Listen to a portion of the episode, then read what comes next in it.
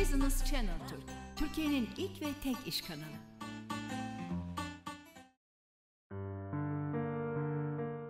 bir işkolik programından daha seslenmekteyiz sizlere. Evet bir işkoliyi ağırlayacağız yine. Çamlık 87 Otel işletmecisi ve e-ticaret uzmanı Sayın Uğur Berk. Hoş geldiniz. Hoş bulduk efendim. Evet öncelikle sizi tanıyabilir miyiz? Tabii ki. 1974 doğumluyum. Öğrenimi ilk önce İzmir Özel Türk Koleji, daha sonra Bilkent Üniversitesi İktisat Bölümünden mezun olarak tamamladım. Ee, yaklaşık 25 yıldır aile işimiz olan turizm haricinde profesyonel yöneticilikler yaptım. Türkiye'deki çeşitli firmalarda. Ee, bunlar sırasıyla enerji, gayrimenkul, perakende firmalarıydı. Ee, bu birikimimi değerlendirmek için geçen yıl en son görevim olan İstinye Park Genel Müdürlüğü'nden ayrılıp e, kendi işlerime biraz daha konsantre olmak istedim. Ve Ayvalık'taki Çamlık 87 otelimizi ve İstanbul'da yine kurduğum e-ticaret sitemiz kadın giyim üzerine Lily Pure markamızın şu anda yönetimiyle meşgulüm. Evet. Ee, Türkiye'nin çok ünlü kurumlarında üst düzey yöneticilikler yaptığınızı biliyoruz. Siz de beyan ettiniz.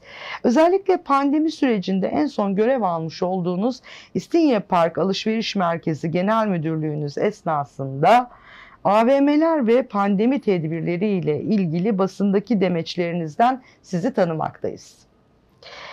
Siz hem parakendeci hem alışveriş merkezi yöneticisi olarak bildiğimiz bir yöneticisiniz.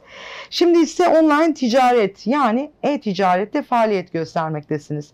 Öncelikle bu değişimin sebebini ve size neler kattığını öğrenmek isteriz. Tabii ki.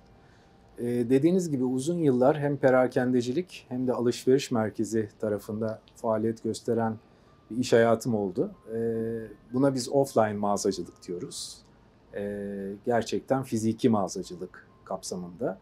Ee, fakat online'a geçişim benim biraz daha keyifli oldu aslında. Çünkü gerçekten son dönemde çok trend olan, yükselen ve merak uyandıran bir konuydu herkes için, benim için de öyle. Ee, hazır bu fırsatı bulmuşken, e, profesyonel hayatı bitirmiş kendi işimi de yaparken bu online ticaret konusunda biraz daha uzmanlaşmak istedim. Çünkü bir dönem kendi şirketimi kurmuştum, şahıs şirketimi kurmuştum ve firmalara yönetim danışmanlığı da veriyordum. Bu süreçte tabii online gelişmelerden haberdar olmadan artık iş modellerinin kurulamayacağını söylerken bizim kendimizin de biraz bu e-ticaret konusuna eğilmemiz gerektiğinin farkına vardım. Ee, eskiden %3 seviyelerinde olan perakende e-ticaret oranı yani artık 2019 yılında %6 seviyelerine kadar çıktı 83 milyar dolara ulaştı. Tahmin ediyorum 2020 yılında da bu rakam %12'lere kadar gelecek. Daha henüz datalar açıklanmadı ve e, artan iş hacmi inanılmaz bir boyutlara geldi. Pandeminin bundaki etkisi çok büyüktü. E, tabii pandemiyle hepimiz eve kapanınca e-ticaretin nasıl olduğunu aslında orada işleyen mükemmel bir sistemin e, sıradanlıktan öte insana bir lüks kattığının farkına vardık. E, ve bundan da ötesi şu anda aslında yeni iş modellerine baktığımızda dünyada da böyle, globalde de görüyoruz. Yeni bir nesil gelişiyor. Biz hep bunu konuşuyoruz. X jenerasyonu, Y, y jenerasyonu ve Z jenerasyonu diye. Şu anda Z jenerasyonu dediğimiz nesil e, üniversiteyi bitirmek üzere bazıları iş hayatına girdi ve yeni müşterilerimiz. E, ve bu nesiller arasındaki farklılık bile inanılmaz derecede e, çeşitlilik yaratıyor diyelim. İlk önce X jenerasyonu biraz daha muhafazakar bir jenerasyondu. Şimdi Y jenerasyonu geldi. Y jenerasyonu biraz daha protest bir jenerasyondu ve e, X jenerasyonundan biraz daha asiydi diyebiliriz. Fakat Z jenerasyonu hepsinden farklı ve bu jenerasyon şu anda hepimizi çok büyük şaşkınlığa uğratan, kendisine çok güvenen, hayata çok bağlı, hayattan ve iş hayatından ne istediğini bilen ve iş hayatını da buna göre kurgulayan bir jenerasyon. Dolayısıyla şimdi bizim gibi klasik e, metotlarla eğitim almış ve klasik metotlarla iş hayatına girmiş yöneticilerin, e, yönettiği şirketlerin müşterileri artık bu Z jenerasyonu olacak. Dolayısıyla bunların da kullandıkları sistem şu anda e-ticaret ve aslında teknoloji üzerine bağımlı. Çünkü bu jenerasyon teknolojinin içine doğmuş bir jenerasyon. Ben 74'lüyüm. Biz zaten artık teknolojiden uzaklaşan jenerasyonun son parçasıyız. Ee, ve aradaki jenerasyonları da düşünürsek Z jenerasyonunu anlamak, e, Z jenerasyonuna göre iş modelleri kurmak daha doğrusu artık kaçınılmaz bir gerçeklik. Bu yüzden de e-ticaret burada çok önemli bir fonksiyon. E-ticaretin bir başka fonksiyonu, bence önemli bir fonksiyonu, altını özellikle çizmek istiyorum. Markalaşmanın önemini ve rahatlığını şu anda bütün iş hayatına sunmakta. Ee, şöyle örnek vermek istiyorum. Özellikle tekstilde, biz şimdi e-ticarette de tekstil üzerine faaliyet gösterdiğimiz için biraz üretim de yaptırıyoruz. Üretim yaptırırken devasa firmalarla karşılaştım. E, bu firmalar bütün dünya devlerine üretim yapıyorlar ve bunlar dünyanın fasoncusu şeklinde bir sistemimiz var Türkiye'de. Türkiye'deki tekstil bu. Fakat bu firmaları sıradan bir vatandaş ismini dahi bilmiyor. Bu firmaların kendine ait bir markalaşma süreçleri yok ve bir marka değerleri yok. Fakat bu firmalar dünyanın önde gelen üretim firmalarından bir tanesi mesela benim bildiğim bir firma. Ve sahibiyle tanıştım ağzım açık kaldı. Böyle bir tesis sadece Türkiye'de de değil yurt dışında da kurulu tesisleri var ve dünya devlerine üretim yapıyorlar. Şimdi bunları hep konuşuyoruz. Ee, bu firmalardan bana şimdi danışmanlık üzerine başvuranlar da var. Danışmanlık vermemi istiyorlar. Kendi markalarını yaratmak istiyorlar. Bugün kendi markanızı yaratmak için ürüne sahip olmanız lazım. Ürün zaten kendilerinde. Dizayna sahip olmanız lazım. Dizayn zaten kendilerinde. Fakat bu dizaynı, bu koleksiyonu yurt dışındaki dünya devlerine sunarak oradan üretim almaya çalışıyorlar. Oradan sipariş kaparak buradan üretim yapmaya çalışıyorlar. Ve dolayısıyla ben artık onlara da bu konuda danışmanlık veriyorum ve e, kendilerinin bir Türk markası, ilk önce bir Türk markası e, olmalarına ve daha sonra da bunu dünyaya açmaları yolunda yardımcı olmaya çalışıyorum. E, e-ticaret bu konuda çok büyük bir avantaj. Çünkü artık fiziki mağaza açmanıza gerek yok. Sadece e-ticaretin kurallarını doğru oynadığınız takdirde bütün dünya zaten sizin markanızı tanıyor, biliyor oluyor. E-ticaretin bu güzelliğini de e, anlayabilmek, keşfetmek için biraz önce sorduğunuz sorunun cevabı aslında offline mağazadan online mağazacılığa geçişim bu yüzden oldu. Evet. Peki e, hazır sizi yakalamışken böyle bir bilgi ve tecrübe, deneyim bir aradayken hemen şunu sormak istiyoruz. E-ticaret işine girmek isteyen yeni girişimcilere ne gibi önerilerde bulunacaksınız? Bu gerçekten 1 milyon dolarlık soru. Şu anda en popüler olan iş e-ticaret ve herkes e-ticarette bir faaliyet göstermek istiyor. Fakat şöyle de e, söyleyebilirim. Ortalıkta gezenen, gezinen bir de İtopya var. İşte ben evimin bir odasını depo yaptım. Gittim ürünü buldum, fotoğrafını çektim. Kendime bir web sitesi kurdum. Oraya fotoğrafı koydum, fiyatını yazdım. Daha sonra sipariş geldi. Telefon ettim, üreticiden ürünü getirttim. Onu paketledim, müşteriye kargo ile gönderdim. Çok da güzel paralar kazandım. Ee, evimde yan gelip yatarak milyonlara sahip oluyorum tamamen bir ütopya. Böyle bir dünya yok. E-ticaret hiç böyle değil ama maalesef birçok e, firma, birçok kişi hep kendisini böyle anlatıyor. Özellikle son dönemde dünyadaki bu pandeminin artışıyla beraber e-ticaretteki oyuncu sayısı da çok arttı. Hı hı. Yüz binlerce oyuncunun milyonlarca ürünü bir bilgisayar ekranında geziyor, bir sanal ortamda geziyor. Ve bunları organize eden, bunları regüle eden bir algoritma var. Dolayısıyla siz şimdi bütün bu işleri yaptınız. Sitenizi kurdunuz, ürününüzü koydunuz, onu yaptınız, bunu yaptınız. Her şey hazır. Ben artık e-ticaret işindeyim dediğiniz an size tebrikler diyorum ve size şöyle bir açıklama yapıyorum. Ben genelde danışanlarıma da bunu söylüyorum. Düşünün ki diyorum bu kadar süreci geçtiniz ve e-ticaret sitenizi açtınız. Şu anda Güney Amerika'da Amazon ormanlarında balta girmemiş bir yerde bir ağaç kovuğunun içine siz bir mağaza açtınız. Asıl oyun şimdi başlıyor. Siz bu mağazadaki ürünü, bu mağazayı müşteriye nasıl anlatacaksınız, nasıl tanıtacaksınız ve o ürünü nasıl satışa döndüreceksiniz? İşte herkesin yanıldığı nokta bu. Bir kere e-ticaretin çok önemli parametreleri var. Bunları çok iyi kurmak lazım. Kurgudan sonra da satış ve pazarlama kanadında çok iyi entegre etmek lazım ki bütün bu uğraş bir e, bütün bu çaba bir satışa dönsün, bir e, satış modeli oluştursun. Evet. Peki e, başarılı olmak için nelere dikkat etmeliler, neler yapmalılar? Şimdi her işte olduğu gibi aslında e-ticaret de farklı değil. İlk önce bir piyasa araştırması yapmak lazım.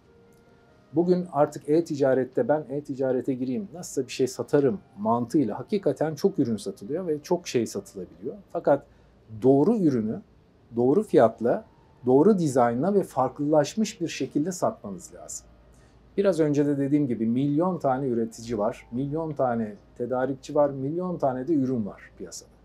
Dolayısıyla bu kargaşada tüketici sizin ürününüzü niye satın alsın? Birinci soru bu.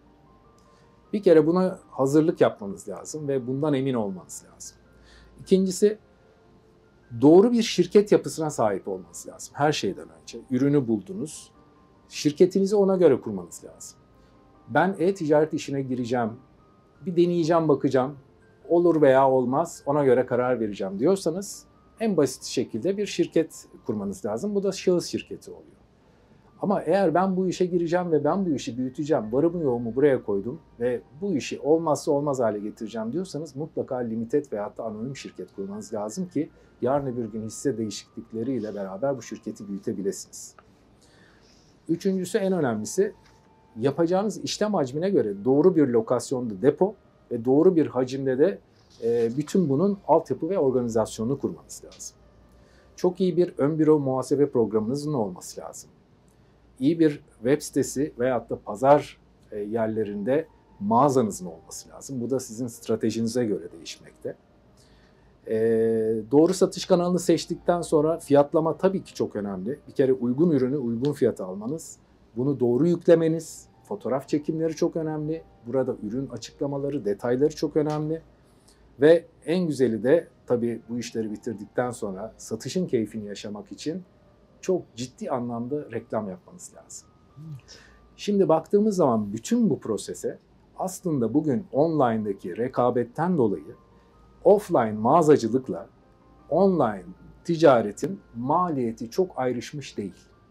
Eskiden biz şunu söylerdik. Bir mağaza açmanın maliyeti çok. Evet çok.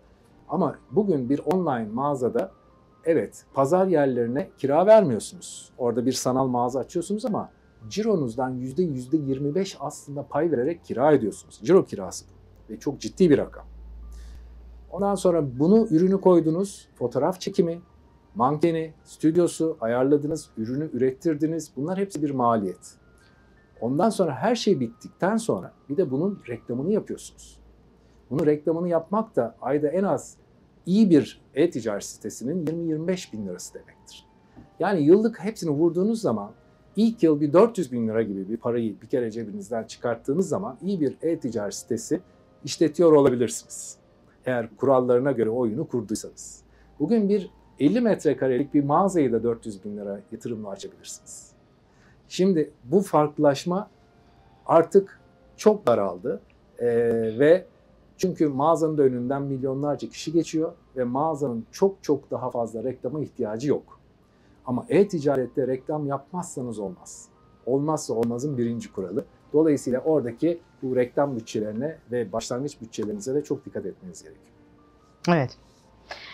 Peki sizce pandemiden sonra perakende ve e-ticaret nasıl ayrışacak? Ee, e-ticaret bundan sonra eskisi gibi çok zayıf bir kanal olmayacak bir kere bu kesin. Hı hı. Çünkü buradaki kasımız çok kuvvetlendi. Bir kere müşteri e-ticaretin keyfini anladı. Keyfine vardı. Koşulsuz iade var. Kanuni hakkınız. Hı hı. Bugün 10 tane sipariş veriyorsunuz. Hepsini yan yana diziyorsunuz. Bakıyorsunuz. Ben bugün modumda değilim diyorsunuz. Bir renge karar verip geri kalan 9 rengi iade edebiliyorsunuz. Bu çok ciddi bir maliyet üreten için. Ama bu müşterinin koşulsuz iade hakkına uyduğu için bunu yapabiliyorsunuz. Ayağınıza kadar geliyor.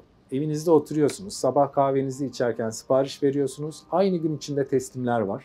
Aynı gün içinde size bütün ürünler gelebiliyor. Çok büyük bir lüks. Normalde bunun için tüketiciler ekstra bir bedel ödemeleri gerekirken bu VIP servise diyelim hala da dünyada ve Türkiye'de maalesef e-ticaret biraz outlet gibi algılanıyor ve oradaki fiyatlar normal mağaza fiyatlarına göre düşük tutmak zorunluluğuyla karşı karşıya kalıyor diyelim. Çünkü tüketici beklentisi burası bir mağaza değil, buranın o kadar çok gideri olamaz mantığıyla e, hala fiyatları çok düşük görmek istiyor. Ana mağazalara göre, offline mağazalara göre e, diyebiliriz. Ee, e-ticaret dediğim gibi yani bundan sonra geriye gitmez, e, çok fazla eksilmez ve hayatımızda olmaya devam eder. Özellikle biraz önce bahsettiğim bu yeni jenerasyonların zaten iş hayatını ve müşteri e, segmente girmesiyle beraber bence e-ticaretin geleceği daha da parlak olacak. Perakendenin işi biraz daha zorlaşacak. Evet.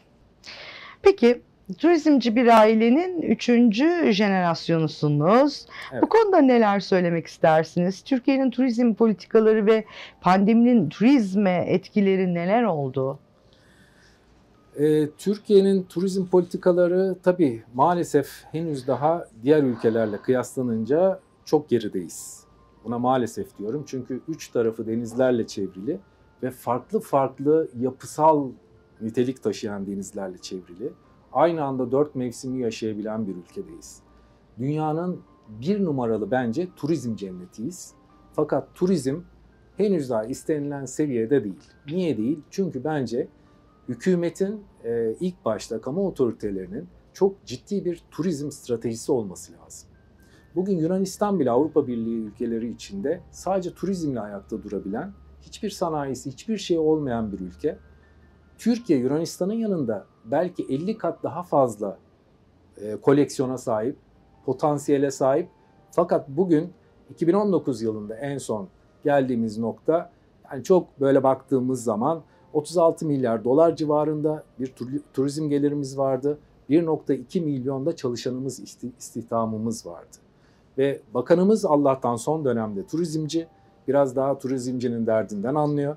Tabii o da e, onun da yapabileceği şeyler sınırlı ve de pandeminin de hepsinin üstüne gelişi. Tabii ki bu hedeflerin, bu 60 milyon e, dolar hedeflerinin hepsinin önüne geçti. E, ve hala tur, e, Türkiye bu pandemiden dolayı istediği noktaya gelemedi.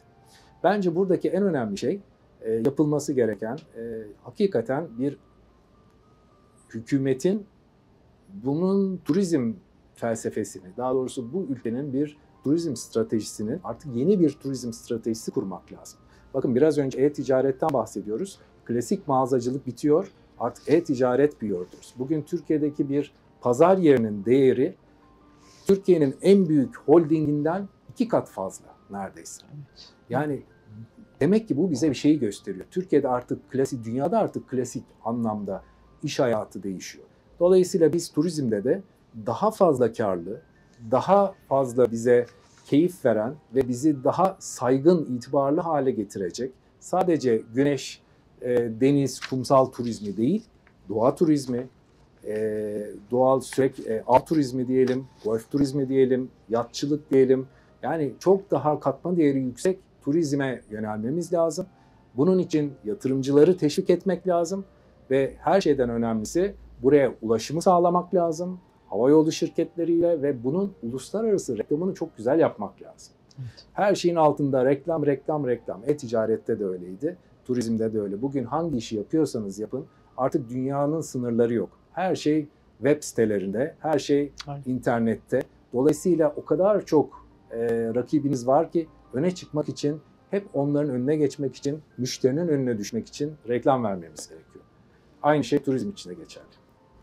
Pandeminin etkilerine de gelince turizme, aslında evet. ona da biraz değinmek isterim. Evet. Ee, tabii ki uluslararası e, camiadan beslenen, yabancı turistten beslenen turistik tesisler bugün sınırların kapalı olmasından ötürü, e, sağlık probleminden ötürü daha doğrusu, son pandemiden ötürü e, çok büyük zorluk yaşıyorlar. E, geçen sene de yaşadılar, bu sene de yaşıyorlar. Ee, inşallah önümüzdeki dönemde artık bu salgını yenmiş oluruz ve daha rahatlamış oluruz. Ee, yerli turizm biraz daha hareketli. Ee, fakat tabii onda da turistik tesislerin güvenli turizm sertifikası alması gerekiyor. Ee, bu da onlara çok ciddi bir maliyet getiriyor turizmcilere. Ee, ama yapacak bir şey yok. Sağlık her şeyden önemli. Bugün e, sağlığımız olmazsa hiçbir şeyin değeri yok. Dolayısıyla herkes bu sertifikasını alıp işletmesini ayakta tutmak için devam ediyor. Çok teşekkür ediyoruz katılımınız için ve e, bu denli güncel konulardaki değerlendirmeleriniz için. Tekrar hoş geldiniz, sefalar getirdiniz programımıza. Teşekkür Sağ ederim. olun. Sayın Uğur Berk konuğumuz oldu. Hoşçakalın.